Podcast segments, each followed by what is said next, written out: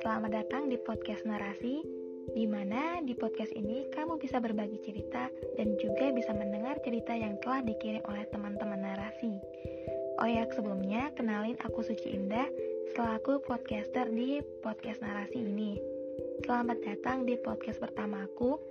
Di episode perdana ini aku mau berbagi sedikit cerita nih yang kebetulan cerita yang mau aku bacakan merupakan salah satu cerita yang aku ambil dari pengalaman aku, yaitu tentang perasaan gak enakan sama orang lain.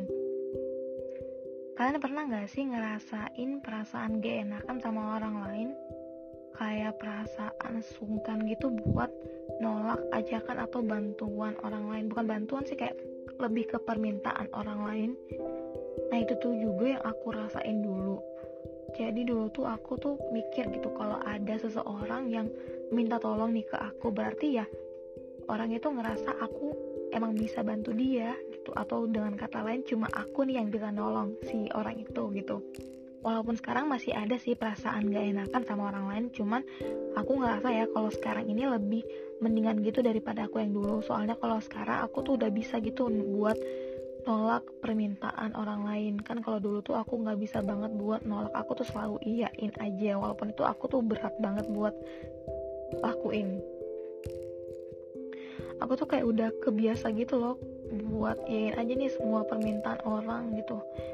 Kalau semisal aku nggak iya ini aku tuh ngerasa kayak kurang sopan gitu.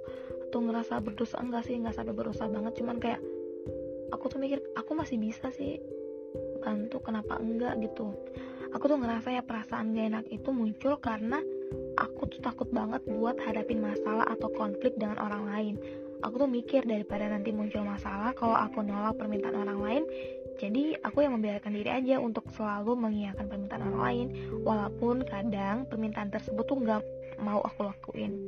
Cuman ya balik lagi ya karena perasaan gak enakan itu kayak udah mendarah daging gitu takut muncul masalah terus malah nanti melebar ke mana-mana. Jadi ya udahlah mending aku yain aja gitu. Aku tuh ingat ya ingat banget malah.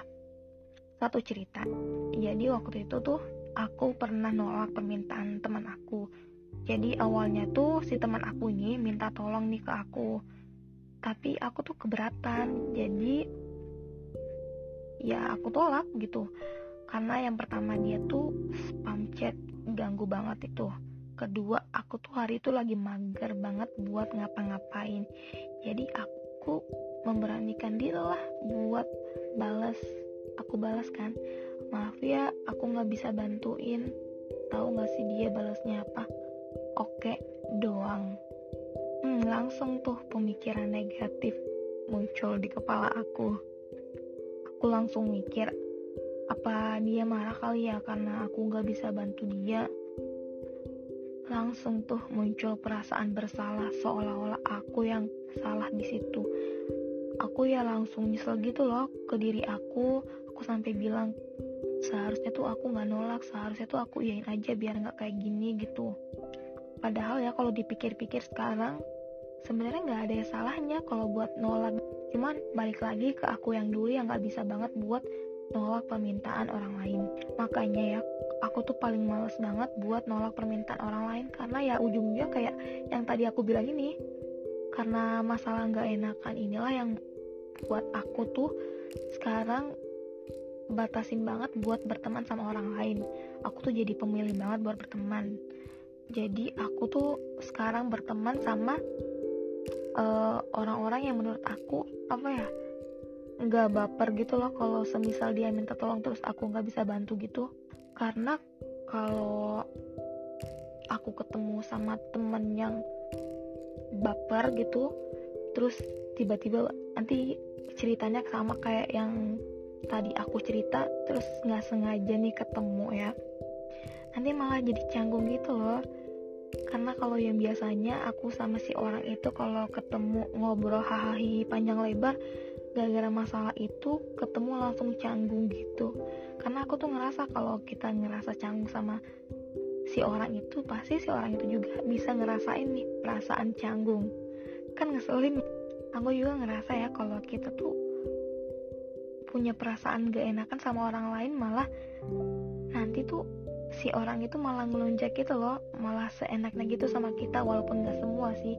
Tapi adalah beberapa orang yang kayak gitu yang nggak nggak tahu diri gitu loh. Kayak seolah-olah emang harus banget kita kabulin semua permintaan dia. Aku tuh baru nyadar ya kalau rasa nggak enakan itu nggak baik buat aku ketika aku sudah memasuki tahun kedua aku kuliah. Mungkin karena aku udah ketemu banyak orang yang emang ngasih sisi positif ke aku jadi itu aku tuh baru bisa dan baru ngerti gitu buat nggak selamanya nih aku tuh harus bahagiain orang dengan nurutin semua keinginan mereka walaupun sebelum itu tuh aku udah sering banget baca artikel tentang nggak baik nih punya perasaan gak enak sama seseorang. Cuman rasanya tuh berbeda loh kalau kamu baca sama kamu di berpengertian langsung sama teman-teman terdekat kamu tuh rasanya berbeda. Kamu langsung bisa mengerti oh ternyata iya ya ternyata benar juga. nah, ternyata tuh aku tuh gak seharusnya juga harus selalu yain permintaan mereka gitu. Nah dengan seiringnya berjalan waktu aku tuh udah mulai terbiasa nih udah mulai terbiasa buat kalau emang aku ngerasa nggak bisa nolong uh, teman aku yang minta tolong ke aku ya udah aku tolak tapi dengan baik-baik gitu. Karena apa ya aku sekarang tuh lebih ngerasa lebih ringan gitu loh kayak nggak nggak ada beban pikiran. Karena kalau kita ya kalau kita bantuin orang lain kan secara nggak langsung kita juga mikirin kan permasalahan mereka dan itu membuat kita uh, mempunyai beban pikiran yang baru lagi nih. Jadi ya udahlah sekarang aku udah mulai masa bodoh bodoh amat lah kalau dia emang marah. Yang penting aku nggak usah gitu susah buat mikirin masalah dia nggak ribet juga gitu. Nah itu dia tadi uh, cerita singkat dari pengalaman aku tentang perasaan gak enak. Nah kalau semisal kalian juga punya perasaan yang sama kayak aku, yaudah pelan-pelan aja, hmm, pelan-pelan buat tolak permintaan orang lain. Karena balik lagi ke diri kamu, kalau kamu emang nggak mau bantu ya udah bilang aja jujur coba dengan kata-kata yang sopan supaya dia ngerti. Cuman kalau dia nggak mau ngerti ya udahlah tinggalin aja teman kayak gitu. Oke, sekian cerita yang bisa aku bagiin. Sampai jumpa di podcast selanjutnya. Bye bye.